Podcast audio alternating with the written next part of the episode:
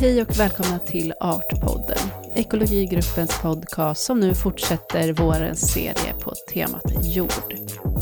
Jag som gör den här podden heter Emma Holmberg. Med dagens avsnitt rör vi oss bort från den näringsrika jorden som till följd av människors hårda arbete har utarmats på näring och givits plats för konkurrenssvaga men härdade växter. Dagens avsnitt blir det första av två som kommer att handla om åkerns moder. Om det som blivit över när gräset har slagits till hö och mer bördiga jordar har omvandlats till åkrar. Eller om det som inte längre finns kvar utanför natur och kulturreservat, utanför våra romantiska minnen. Eller om det som tillåts blomma om vi bara låter det vara. Artpodden handlar idag om ängar, eller om det som folk på olika sätt i alla fall betraktar som äng. Där jag växte upp fanns en äng, eller något som jag såg som en äng. Det var en kvadratisk del av en hage, avgränsad av gamla diken. Den betades nu av korna, men det såg ut som en äng. Den var platt. Här växte kattfot och andra konkurrenssvaga blommor, nattviol, mandelblomma. Och jag tänkte, är det här en äng? För jag hade läst om ängar, men aldrig sett den. Med mig i dagens avsnitt har jag, som vi nyss hörde, författaren och skribenten Sanna Samuelsson.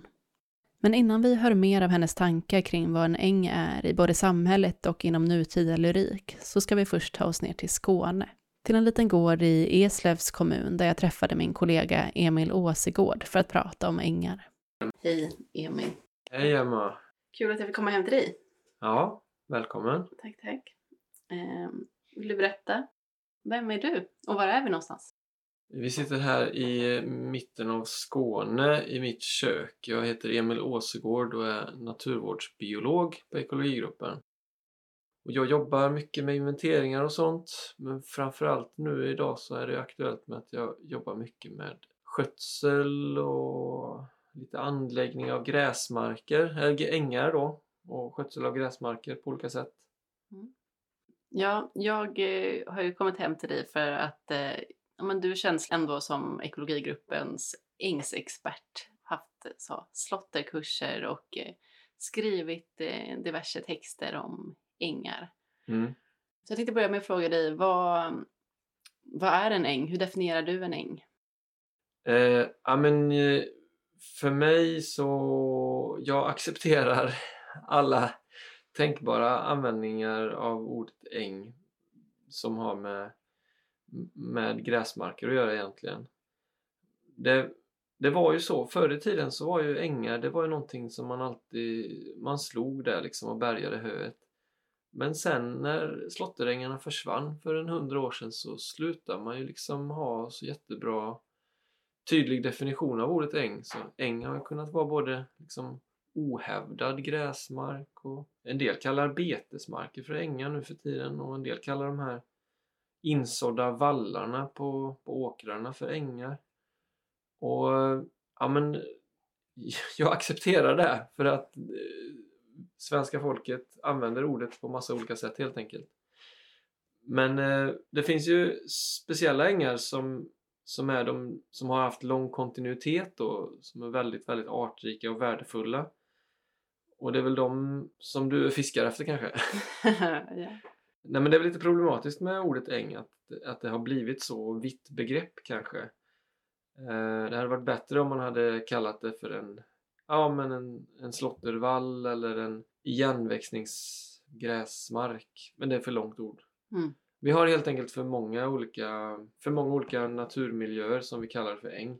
Mm. Men om du, om vi säger så här då. Ehm, du blir inbjuden till att eh, åka ut på en resa och besöka en ängsmark. Hur Ja. hoppas du att den marken ska se ut? eh, ja men jag hoppas att komma till en sån där kontinuitetsäng då som har varit äng i hundratals år. Eh, som är väldigt artrikt och har växter som är väldigt sällsynta i landskapet idag. i, generellt i Sverige många som är hotade. Det skulle jag hoppas att se om någon sa kom till min äng. Mm. För när jag ser framför mig en äng så ser jag framför mig en ganska så lågvuxen gräsmark full med olika slags blommor och ja, men kanske något lövträd som kanske är hamlat och kanske lite Mm. enbuskar och sådär. Jaha. Eh, jag ser framför mig ett ganska romantiskt kulturlandskap som blommar. Ja. Hur väl eh, överens tror du att den bilden stämmer med, säg en bonde som levde här i Skåne på 1800-talet? Eh, jo, men det motsvarar nog ganska mycket hur ängar, många ängar såg ut då. I alla fall i början av 1800-talet. Men under 1800-talet så påbörjas den här eh, det moderna jordbrukets framväxt och då försvinner ängarna från 1850 och framåt i rask takt. Hur kommer det sig? Varför fanns det fler ängar tidigt 1800-tal eh, och varför försvann de? Vad, vill du berätta lite om ängens historia?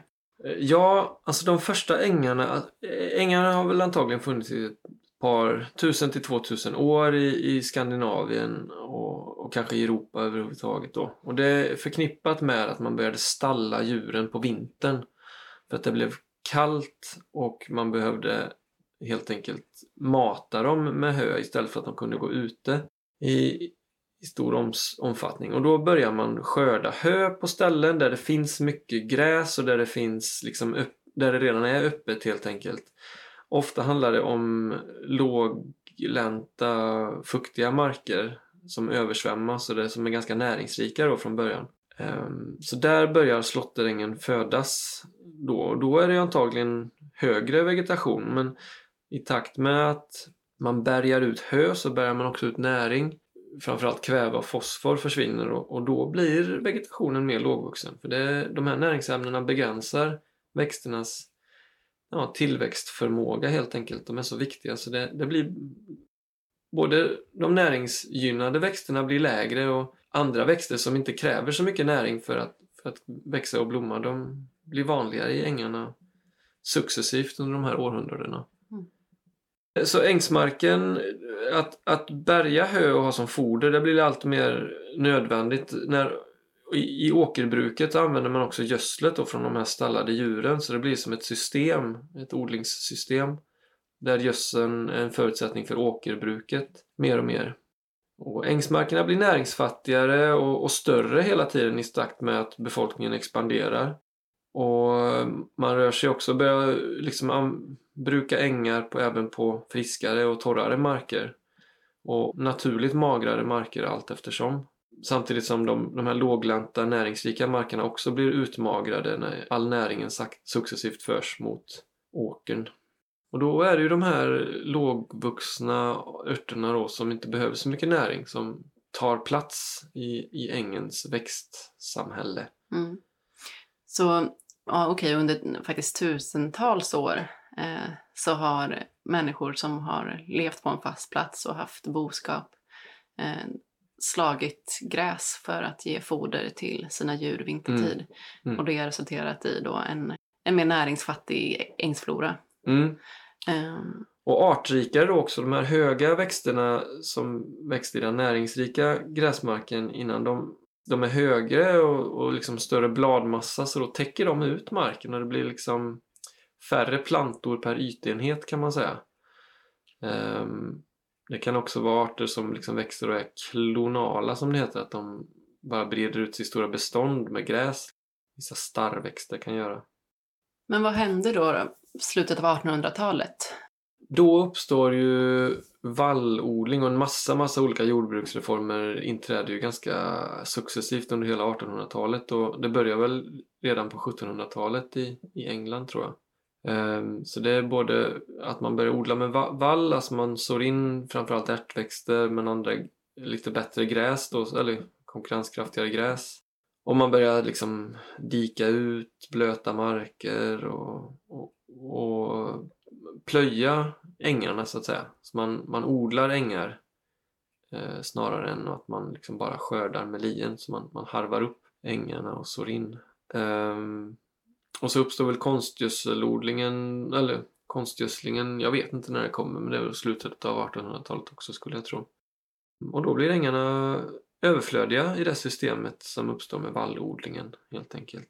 Vallodlingen blir mycket mer produktivt så det behövs mycket mindre yta. Och, och det här har redan funnits under ängsbruket i, också. Man liksom tog upp små miniåkrar som man hade i ängarna som kallades för lindor där, där man kanske odlade ett år och sen så fick det återgå till äng igen då så kanske man kunde gödsla upp det lite grann i bästa fall så att det blev lite högre vegetation några år innan det tömdes igen. Men så utmagringen av ängarna är också en liksom successiv eh, företeelse då så att de har nog inte sett likadana ut från början till mitten av 1800-talet heller utan de har blivit magrare och magrare och det finns vittnesmål från 1700 och 1800-talet om hur ängarna blev liksom sämre och av lägre skörd och att man behövde utvidga dem. Så man kanske inte ska se en äng som en liksom... Ängsskötsel kanske inte är en, en skötsel som man kan hålla på med in absurdum eh, egentligen faktiskt utan man kan tömma näringen så mycket så att vissa av de här arterna som vi faktiskt vill gynna de, de, de trivs inte där till slut. Det kanske blir en ljunghed istället om man skulle fortsätta i all evighet. Mm. Men i, i dagens landskap så är ju hela landskapet helt övermättat med kväve och fosfor så att de flesta människor som, som slottrar ängar, även många fina ängar, de har liksom jättemycket överflödsnäring redan att jobba med att ta bort. Så vi har nog en hundra år av slotter innan vi börjar se de här problemen på de flesta markerna. Mm. Men är man i skogsbygden på en urmager grusmorän då kan de här företeelsen med utbredning av ljung och liksom någon slags hedkänsla inträda om man slottrar till slut. Ja, och det blir också en påminnelse om hur pass olika ängar faktiskt kan se ut beroende på var de växer. Ja. Eh, och hur de sköts såklart. Eh, mm. Vill du berätta lite vad det finns för olika typer av ängsmarker och hur de kan se ut? Ja, precis. Som en, så generellt för alla de här lång, långbrukade kontinuitetsängarna det är ju att de, de har örter som är anpassade till den här kväve och fosforfattiga miljön och att de är ganska lågvuxna då för att de, det tjänar ingenting till att växa sig hög när man ändå ska bli avslagen i, kring eh, högsommaren och sensommaren. Så vi har, vi har pratat mycket om att näringen begränsar hur höga växterna blir och sådär men alla växter som har hunnit blomma färdigt och fröa när man slår av dem, de gynnas ju väldigt mycket av slotter vid just det tillfället. Traditionellt så har slottertillfället varit någon gång i juli ofta. Men det har varierat jättemycket. Så vissa delar av de här inägorna kanske slogs på våren till och med när man behövde lite extra utfodring till någon, något djur som fortfarande var stallat till någon häst som man hade på, på gården. Och andra slog man på i juli och andra kanske man slog endast ute i oktober. Vissa ängar kanske man bara tog, tog hö från år när det var dålig skörd. Och det var sådana som låg långt bort från byn då. Som man var för långt att bärga och sådär. Så det finns många olika aspekter. Dels de här slottetillfällena och sen har det varit olika hur mycket de här ängarna har sen efterbetats av olika djur, om man släppte på djur eller inte efter slotten. Men också, ja i vissa fall så har man också harvat upp delar av ängarna och, och, och liksom låtit dem återgå till äng successivt igen. Så det kan ju också ha påverkat ängens utseende mycket. Så dels kan ju ängarnas utseende bero, variera jättemycket beroende på om det är torrt eller fuktigt och sådär.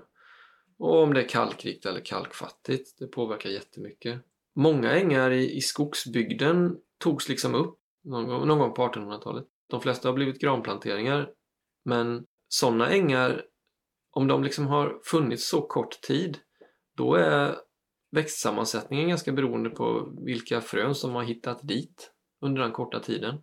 Så det kan vara en ganska artfattig flora då, men man får också föreställa sig att landskapet var fullt med ängar då, så spridningsmöjligheterna var mycket bättre än de är idag. Många av våra ängar har liksom spår av, eh, av insådda och införda arter som har kommit med oss människor också. Vi vet inte så mycket om exakt vilka de är, och några känner man till. Är det Dalarna som har ängsklocka som landskapsväxt? Den är väl införd till exempel. Okej. Okay. Ja, för det här får ju också en att tänka på, om man ska prata om liksom vilka växter som växer naturligt på en ängsmark och som uppstår Mm. liksom beroende på, ja, ja här som i ängsfallet av slotter eller annan typ av hävd. Mm. Eh, var fanns dessa växter innan människan började slå gräset eller placera ut sina får eller kor att beta Mm. markerna? Ja, men man vet inte, men det finns många som eh, tror olika saker. Det finns många eh, utarbetade teorier. Och det troligaste är att de kommer från många olika håll. Eh, och, och man kan helt enkelt se många av de här ängsväxterna som vi har att de, de förekommer i miljöer som inte slottras. Ja, man kan hitta dem i olika miljöer som inte slottras helt enkelt och då får man anta att ja, men det var nog en naturlig växtplats för dem även historiskt. Då måste det vara platser som har haft andra störningar som hållit det öppet och ute, som förhindrat igenväxning. Så det kan ha varit kustdyner eller klipp, alltså karga klippmiljöer där det varit väldigt mycket torkstress. Eller alltså med tunna jordlager och så. En del växter har vuxit i de glesa skogarna, kanske tallhedar och så. Andra har varit gynnade av brand, naturlig skogsbrand liksom. Eller eh, en stor grupp då som man tror har betats, har gynnats av betets störning då. Men de arterna som växer i en äng, de gynnas inte av den moderna betesdriften för att den moderna betesdriften sker ju ofta från maj till, till september liksom. Det här är växter som är anpassade till att betesdjuren inte går på ängen förrän sent, liksom, när de hunnit fröa. Många, många av de här växterna klarar inte av betes, modern beteshävd utan de kräver sent, sent bete. Och det är väl troligt att i den, liksom, före människan så fanns det antagligen gräsmarker där stora jordar drog fram vid olika tillfällen på säsongen. Och då kunde vissa av de här lite mer senblommande örterna också finnas i betesmarkerna. Ja, det är ändå spännande. Ja, men ja, att man inte vet är ju ganska fascinerande ändå. Och att man fortfarande bråkar om det väldigt mycket inom Mm. forskarvärlden. Huruvida det var de här noshörningarna och elefanterna som gick omkring i Europa som, som formade växtsamhällena då eller, eller vad det nu var som upprätthöll det innan människan. Men däremot så vet man ju att det, alltså en del kanske kan tro att ängsväxterna har liksom selekterat fram och evolutionerat fram med människan. Men så är det inte. Även om liksom växternas blomningstillfälle kan justeras med några veckor fram och tillbaka sådär beroende på slotten under hundratals år. Så de flesta egenskaperna hos en växt, det tar jättemånga tusentals år för dem att liksom evolutionera fram. Tiotusentals år antagligen. Så att det är ingenting, ja. Ängsväxterna fanns med i princip sina egenskaper och utseenden långt före människans ängsskötsel. Okej. Mm. Ehm, men då är frågan vart de har tagit vägen nu. Jag läste att eh, av de 1,6 miljoner hektar som brukades som äng år 1891 återstår idag omkring 12 000 hektar. Och det är alltså en minskning med 99,25 procent. Ja, just det. Ehm, och det gör ju att växter som då ändå har utsatts för störning eh, Mm. då under tusentals år Mm. eh, idag eh, ja, men står inför helt andra förutsättningar. Där störningarna kanske är helt uteblivna på många platser. Ja. Det ser väldigt annorlunda ut. ja, just det. Att de här igenväxande gräsmarkerna då som bara står och växer. Ja. Mm. Mm. Det blir väldigt mycket gräs på dem ofta, inte minst om det är näringsrikt av någon anledning. Men det kan vara en hel del blommor också. Det finns ju arter som hundkex som älskar näringsrika igenväxande marker till exempel. Mm. Som du säger, vissa av de här markerna har ju blivit igenväxta. Men, men annars, det är 99,25 procent eh, har gått förlorade. Ja, och det är ju det moderna jordbruket som har tagit den, den största kakan och sen granplanteringarna som har tagit den andra delen av den kakan. Så det, det, det är där det har blivit. Det är ganska liten andel som är sådana här igenväxande, ohävdade gräsmarker. Och i princip så kan man säga att all öppen gräsmark man ser som är stenröjd har, alltså i södra Sverige i alla fall, har i någon period plöjts upp och varit åker.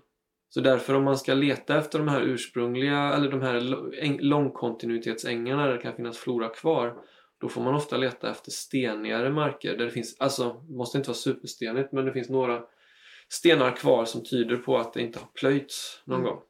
På 1800-talet och bakåt så hade man ju såklart enorma arealer med stenfria ängar. Men de har plöjts. Mm. Okay. Mm. Och vad innebär det här? Det här blir ju okay, två frågor. Vad mm. innebär det dels för den biologiska mångfalden och dels mm. för vår kulturhistoria egentligen och förankring med ja, men, vår kultur som bondefolk? Ja, jag vet inte. Jag, jag, personligen finner jag ju ett stor behållning av att vistas i ängsmarker och det gjorde ju bonden också. Och alltså inom poesin och alltså alla gamla diktare höll jag på att säga, de hyllar ju ängarna och pratar om sina ängar och att det var så vackert och sådär. Det var nog en favoritplats för många att vistas på, på jorden, paradisiskt liksom. Så naturligtvis så förlorar vi ju förståelsen för eh, den perioden och människorna på den tiden. Det tror jag ju verkligen. Att det faktum att vi inte har sån natur kvar. Det tror jag är jättedestruktivt för människans förmåga att förstå naturen och uppleva naturen också. Ängar är ju väldigt härliga att vistas i, alltså sådana här näringsfattiga ängar. Om man går i ett brännässlehav istället eller högvuxet gräs som går upp till bröstet så är det ju mycket jobbigare. Det är ju oattraktivt liksom estetiskt. Mm. Men för arterna som lever i de här ängarna då, om man tar dem, så är det väl en, liksom, det är väl en kollaps och katastrof utan dess like. Det är ju gräsmarkernas arter som som är de största förlorarna i, i Europa. Ja, den här, de, de är liksom fokusarterna för den här förintelsen, den här sjätte massutrotningen. Det är ju väldigt stor utsträckning gräsmarksarterna.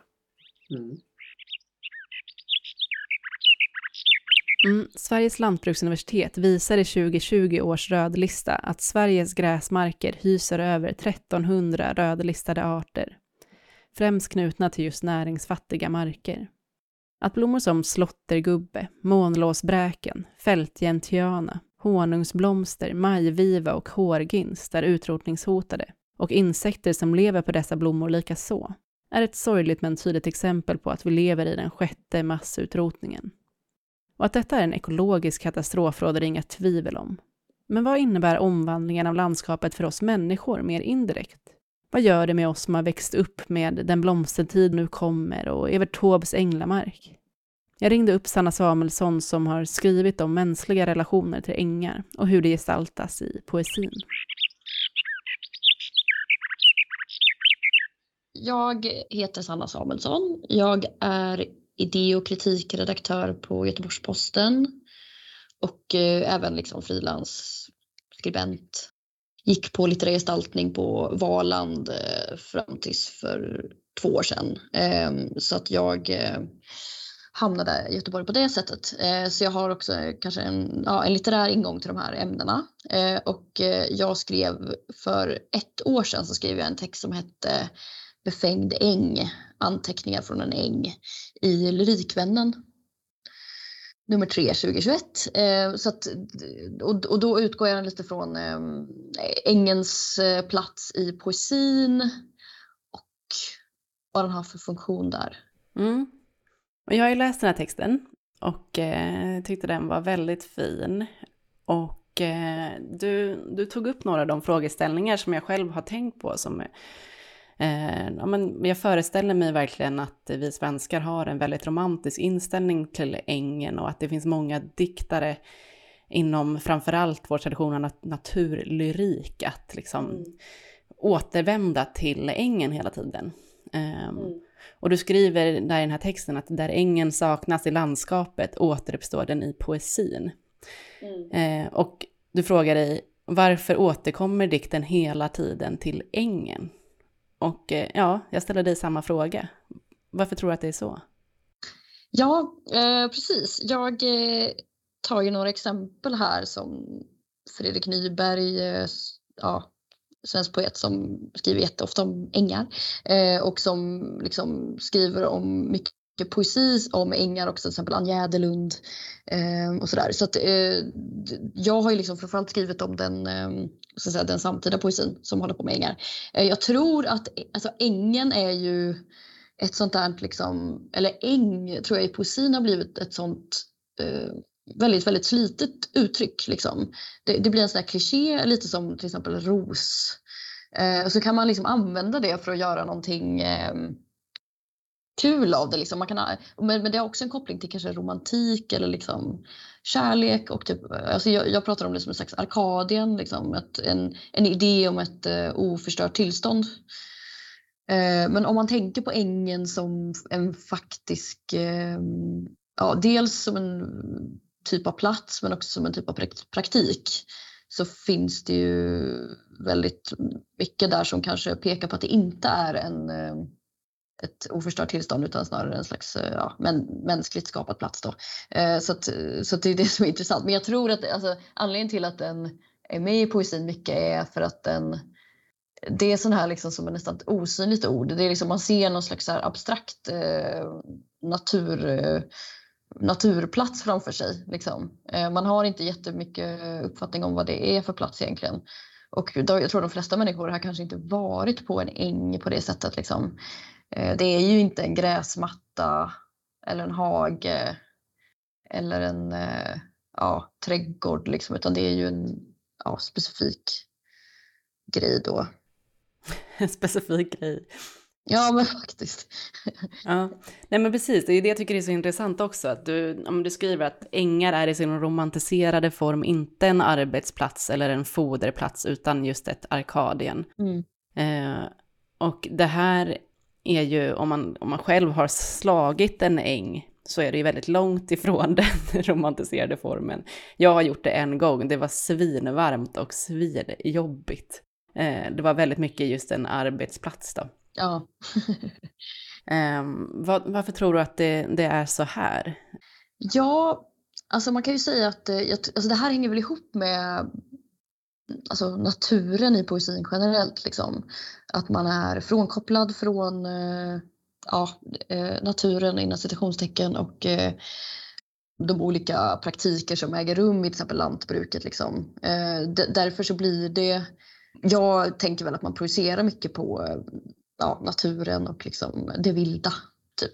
Det finns en, en sorg över att man har förlorat kontakten till den och eh, därför blir det ett tacksamt ämne. Alltså förlust är ju ett, en väldigt vanlig tematik inom poesi och har väl varit det alltid. Liksom. Och det är ju för att man, det är en sån känsla som man går med liksom, och kanske extra mycket nu i, eh, med alla arter som dör ut och sådär. Så, så jag tror att det finns um, någonting med ängen just som slår an någonting hos folk. Mm det kanske började göra det redan i romantiken, när ja, man flyttade precis. in till städerna och började se på Exakt. naturen på ett annat sätt, bort ifrån. Ja, verkligen. Jag menar, jag, jag, ibland så undrar jag om romantiken någonsin liksom tog slut. Jag tänker att det är liksom en jätteviktig del av kulturen på något sätt att liksom sörja det som har gått förlorat liksom, eh, av så att säga, ett, ett samhälle som har vuxit fram under många tusen år, liksom, det vill säga typ bondesamhället. Ja, du skriver att ängar idag kan betraktas lite som en typ av minnespraktik. Mm. Är det det du menar? Just det. Ja, men alltså precis, för jag tänker att när, alltså ängen är ju en plats som är, um, alltså den är ju, alltså som för, för en bonde så är den ju gratis. För den växer ju upp, alltså den är ju inte sådd. Eh, så därför så växer den ju upp, alltså växterna växer ju där av sig självt. Så det är ju bara att gå och plocka liksom. Men, eller gå och slå snarare. Men det är ju ett väldigt ineffektivt sätt att få foder på. Eh, vilket gör att det inte går ihop med vårt eh, effektiva jordbruk som vi har idag. Och därför så, eh, alltså man kan säga att det liksom rationaliseras bort i, i vårt samhälle. Typ. Och eh, Fredrik Nyberg pratar ju om moderatstaden eh, Eh, i, eh, i en dikt som jag citerar här i texten. Och det är ju liksom, jag tolkar det som att det är en, en stad eller en plats, ett samhälle där liksom allting som, allt som kan rationaliseras bort ska rationaliseras bort. Liksom. Och där är ju ängen typ en typisk sån grej som är liksom lågeffektiv, eh, kostnadseffektiv men också liksom helt obsolet liksom i vårt samhälle. Ehm, och, eh, men sådana saker däremot får ju plats i poesin. Eh, men jag tror att alltså, en större liksom, metafor i den här texten är väl att eh, poesin är så himla onödig också. Alltså poesi, det finns verkligen ingen tid för poesi i vår tid. Typ. Eh, och man, man, man läser och skriver poesi liksom för att det är viktigt på något sätt. För att man tycker att det är viktigt och liksom meningsfullt. Men på samma sätt med ängen så är det lite som att här, man kan inte argumentera för det i några ekonomiska termer. Eh, liksom. Det finns ingen som kan argumentera för att man ska ha en äng utifrån liksom vår, vår nutida liksom, samhällsideologi. Eh, man kan bara säga så här, det är viktigt. Vi, vi måste ha kvar det här för, på grund av de här, de här arterna eh, som försvinner annars och den här praktiken som försvinner annars och liksom allt det här. Eh, men folk vet inte ens vad det här är för blommor. Det, alltså, det finns ingen rationell anledning till det alltså, inom citationstecken. Eh, på samma sätt som med poesin. liksom. Varför ska man skriva poesi? Liksom? Nej, precis. Och det är det som kanske då gör att ängen och ja, men mina och flera andra känslor för ängen blir något befängd. Ja, exakt. Precis. så, så är det. Men samtidigt kan man väl hävda att ängen passar väl in i ett modernt samhälle där vi människor styr vad som får finnas på olika platser. Eh, mm. Den, den, är ju som du själv skriver varken vild eller odlad utan mm. Utan eh, ja, nej, ängen är någonting annat, den är en plats mitt emellan. Eh, det är mm. någonting som vi, vi skapar. Precis. Ja, men, men ja, man kan också tänka på hur man, alltså, vad, vad innebär det att skapa någonting? Jag menar, ängen är ju en bieffekt av eh, att man har slagit den. Mm. Det är inte, det är inte som att eh, när, de, när folk började slå liksom, såna här eh, konstiga utmarker och ta höet därifrån. Det är inte som att de tänkte att så, det skulle påverka de, den platsen på det sättet. Det, det är liksom en, en plats som har skapats lite i, av en slump. liksom. Just det, ängen är en bieffekt. Ja, men ja, precis. Men hur går det då? då? För att jag har ändå förstått det som att du själv försöker skapa en äng och då inte bara ja, men, få hö, vilket sen gör ängen till en biprodukt, utan många med dig då, här och nu, försöker själva att då skapa de här ängarna vi flyttar om det här från att eh, försöka arbeta oss fram hö och ängen blir en biprodukt till att idag försöka kontrollera landskapet och få så mycket blommor som möjligt. Har du, har du lyckats med det? Har du lyckats att kontrollera ängen eller vad du nu vill att den skulle bli? Nej, alltså jag har ju eh, som många andra då liksom läst de här broschyrerna från Naturskyddsföreningen och sådär. Liksom, ja, man vill ha såna här eh, insektssnälla växter och liksom, man försöker göra sin lilla trädgård till någon slags ja, vänligare plats. Eh, så jag har egentligen bara börjat lite och inte klippa gräsmattan. Jag har grävt upp lite och planterat såna här ängsblommor som man kan köpa på, på frö. Um, så det är så pass nytt så man kan inte säga om det har lyckats. Men eh, alltså, ba, alltså, bara om man slutar klippa gräsmattan så kommer det ju blommor. Alltså det är inte, jag, jag tänker att så här, om man alltid klipper sin gräsmatta så tror man att det bara är gräs där. Men det är det ju inte. Det är ju massa olika växter som växer i gräsmattan men som aldrig får liksom blomma. Eh, så att det dyker ju upp sådana här små blåklockor och liksom ja, olika andra blommor där som bara väntade på att få liksom komma upp. Så, så det, alltså, det märks eh, när man sitter där på somrarna att det är mycket mer insekter i trädgården. Liksom. Sen går ju det säkert inte att jämföra med riktig äng då. Eh, men det är ändå påfallande hur snabbt det slutar vara en gräsmatta och börjar vara någonting annat. Liksom. Kul att höra. Det händer ändå grejer. Ja, det gör det faktiskt. Men skulle du säga att det finns några likheter med att skapa äng då, att skapa litteratur? Um, Alltså ja, det kan, man, det, det kan man nog säga eftersom att om man tänker att en litteratur är en kombination av det tänkta och det kända. Typ. Alltså att det är, både, det är både mänskligt styrt och vilt på samma gång. Eh, man sätter sig vid datorn och skriver och saker kommer ut som man inte riktigt vet vad det är. Eh, alltså det finns en liksom, aspekt av eh, slump där också som det, det också finns poängen. Liksom, som är väldigt kul.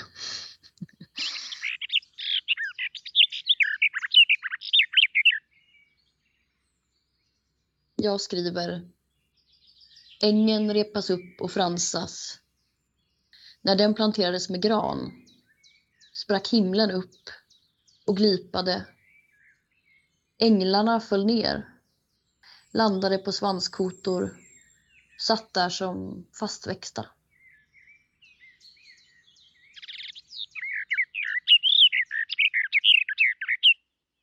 Tack så mycket Sanna. Nu tillbaka till Emils kök där vi gick över från att diskutera artdöden till att istället prata om sätt vi kan öka förutsättningarna för ängsväxter att överleva på idag. Nämligen genom att anlägga ängar. Jag frågade Emil om det överhuvudtaget kan kompensera för de förluster som granplanteringar, jordbruk och igenväxning av gamla så kallade kontinuitetsängsmarker innebär det, som jag ser det så fyller det ju en funktion, en, en del av behovet i landskapet. Man, man fyller upp en liten del som var en artfattig gräsmatta eller någon annan miljö, åker kanske, till att bli en, en äng då med ett visst antal arter. Men de arterna då, det är ofta ett begränsat, ett litet antal av de här ursprungliga ängsarterna. Och det man, ja, så alla insekter som kan leva på de arterna och alla pollinatörer sådär som, som behöver en stor mängd blommor, de, de gynnas ju av det, att man anlägger en äng. Mm. Men det är en tårtbit av, av det som behövs. De här mer kräsna ängsväxterna och deras följearter då, de får inte plats i de här anlagda ängarna. Det är ganska viktigt egentligen att kunna skilja på en sån här kontinuitetsäng då med de här orkidéerna och, och lågvuxna kräs, kräsna växterna som, som är så sällsynta idag. Mm, precis, och då, då undrar jag hur, hur skiljer man på en kontinuitetshävdad äng och en anlagd äng på en näringsrik gräsmatta? Kan man ens kalla den sistnämnda för en äng?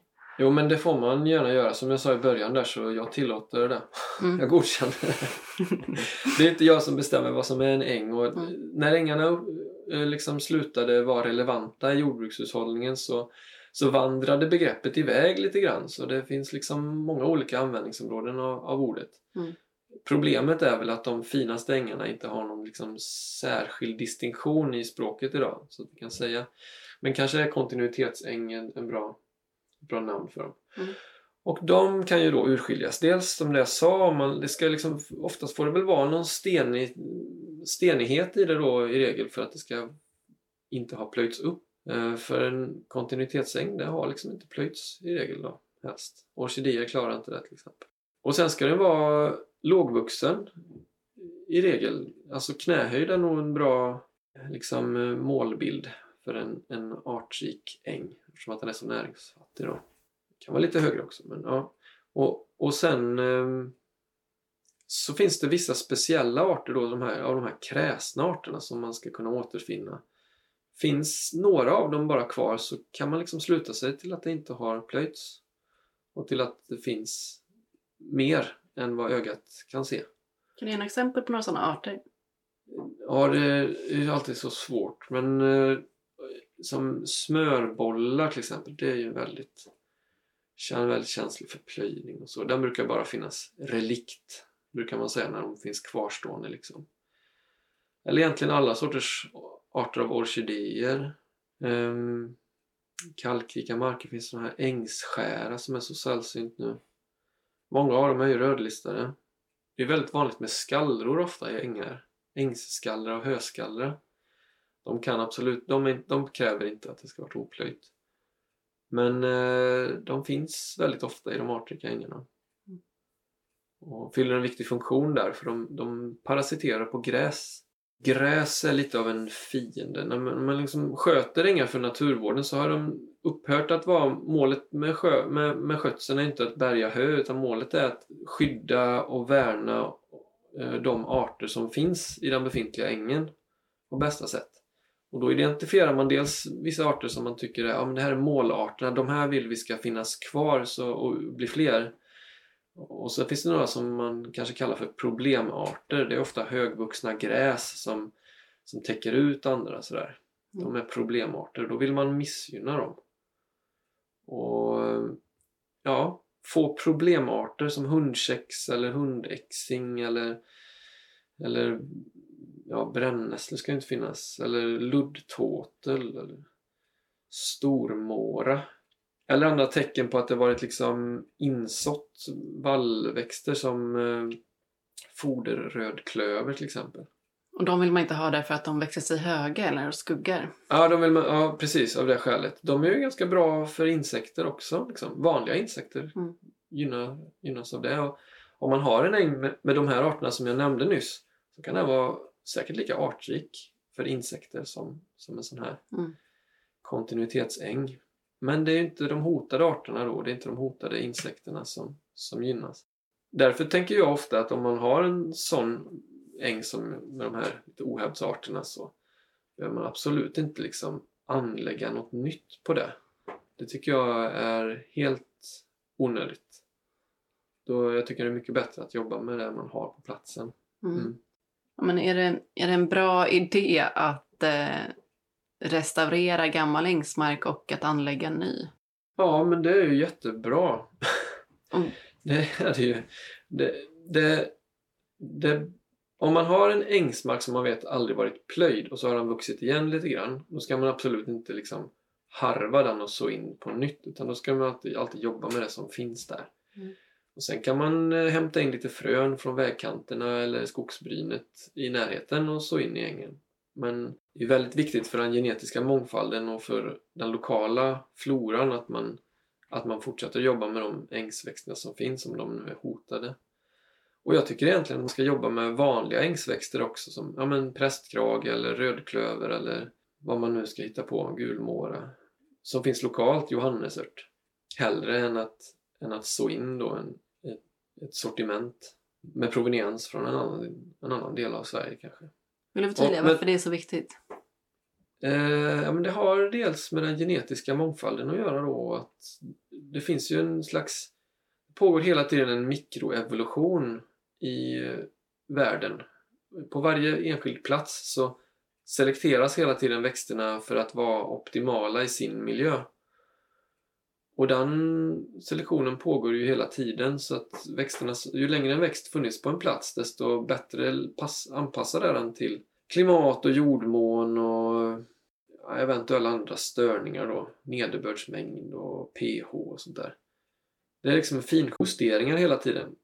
Och det finns ju massa kaosartade störningar hela tiden som gör att det här ändras, klimatförändringar och så. Men i grunden är det bra att behålla det.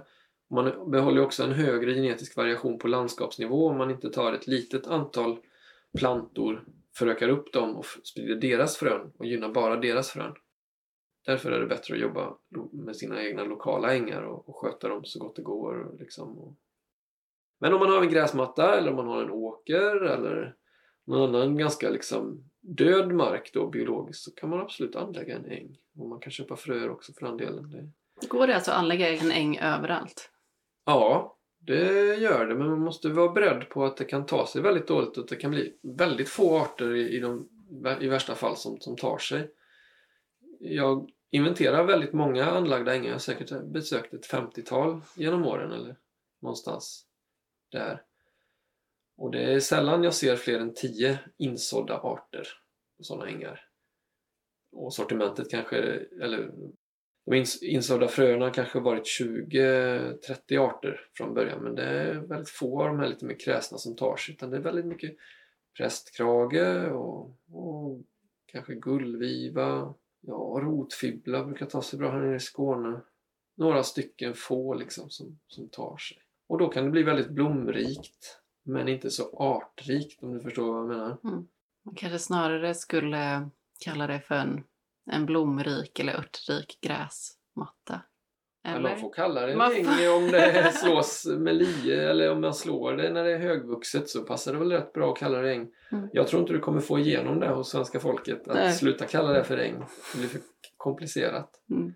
Men det är ju en väldig skillnad. Det är ju väldigt mycket färre arter och det, de jätteintrikata och, och komplexa näringsvävarna då som finns i de här kontinuitetsängarna de, de kan man inte fånga i de här enklare. Men man kan göra något liksom, man kan göra skillnad.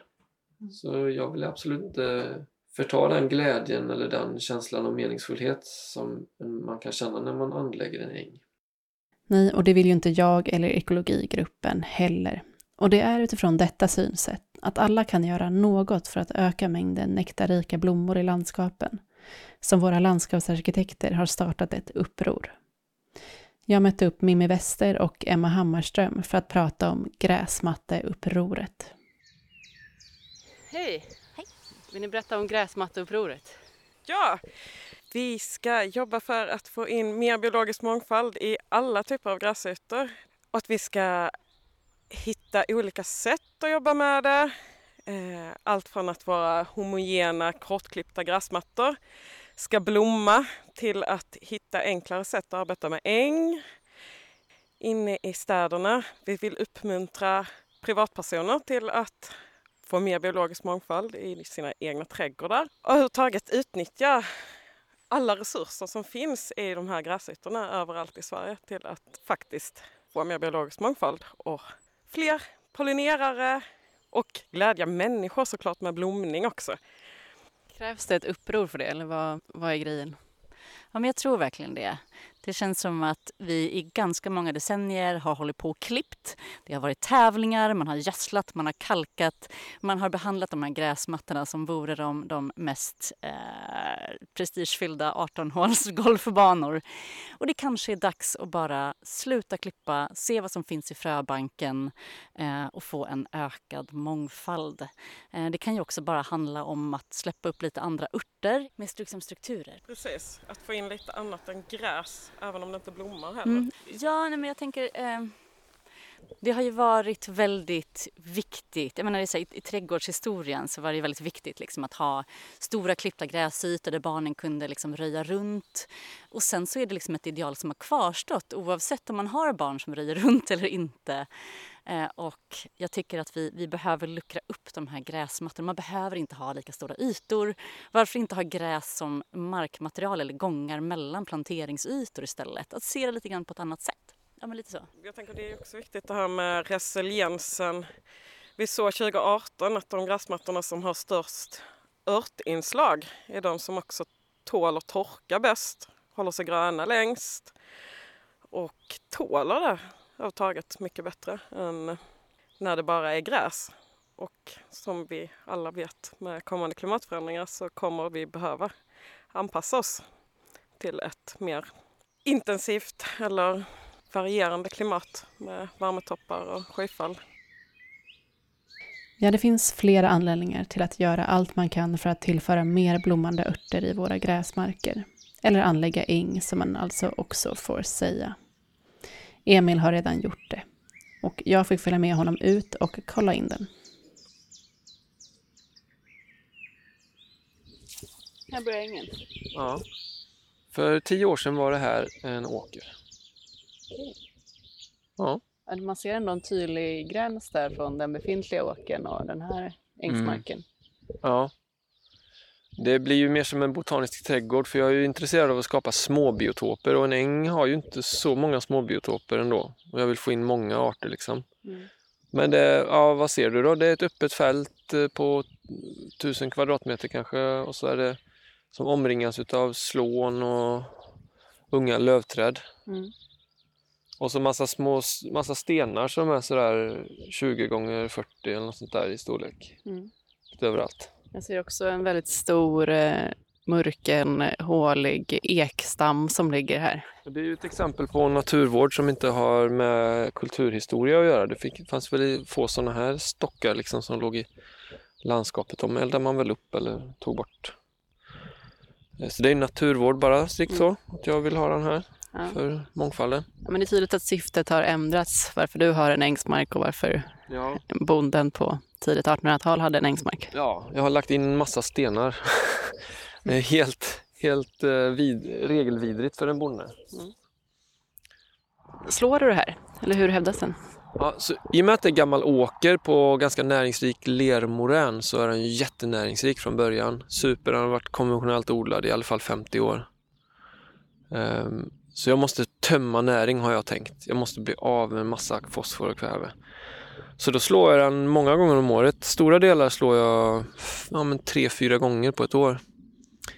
Men då är det mycket som inte hinner blomma ju, tänker du? Mm, det tänker jag. Ja, och det stämmer ju. Så i takt med att det kommer fler och fler fina örter här så slår jag mindre och mindre. Och när jag slår med lien så jag hoppar liksom över allt som är fint hela tiden. Så det blir som, eh, det blir som små remsor och strängar och korridorer som är slaget. Snarare än en liksom strikt slagen äng då som, som det var förr i tiden. För mig är inte kulturhistorien så viktig att jag behöver slå allt samtidigt utan slå varierat och spara det som blommar som man tycker är fint. Liksom. Mm. Jag, när jag började slå med proffs då gick jag med en kille som sa men slå som de gjorde förr, det blev ju bra då, så då kan vi göra det nu också. Men eh, året efter så hade vi faktiskt utrotat en av de målarterna på ängen för vi hade råkat slå lite för tidigt. Så kan det gå. Så slå inte som de gjorde förr, eh, tänker jag, utan slå så som det borde vara för att gynna de växterna som man vill gynna. Eftersom att jag har fört in arter här som är anpassade till att bli avslagna antingen tidigt eller sent eller inte alls eller vartannat år sådär, så måste jag också anpassa slotten efter det. På denna lilla, lilla yta. Och från en liten, liten yta ängsmark till en annan. Det första av två avsnitt om ängar avslutas med reflektioner från ytterligare en äng. Befängd eller inte hos Sanna Samuelsson. Tack för att ni har lyssnat. I ett försök att insupa min ängs ängsblivande ställer jag en trädgårdsstol vid äppelträdet. Det är en sån där ful i blek plast. Jag sitter där och väntar. Ljudet från ängen har nu blivit en distinkt del av trädgården. De små gräshopparna har flyttat in och spelar i atonal glädjeyra. Och fjärilar har jag sett, ängsblåklockor. Hade de väntat på detta? Var kom de ifrån? De fick någonstans att gömma sig när vi lät gräset växa. Men nu har jag slagit det. Jag läser att man inte bara kan låta gräset växa. Man ska gräva upp gräsmattan och odla ängsväxter. Jag har varit så lat med min äng. Jag strödde fröna till ängsblommorna över bara. Troligen kommer inga blommor upp. Men gräset ligger där slaget. Det har skiftat färg och blivit brunt och rödaktigt på sensommaren. Gräshopporna är som galna. De spelar till sent. Det här är ingen äng, tänker jag. Detta är bara en gräsmatta som jag inte klippt. Men det gör detsamma. Poesin frodas i marginalerna, dikena och vägrenarna. Ängsblommorna behöver inte mycket näring för att blomma.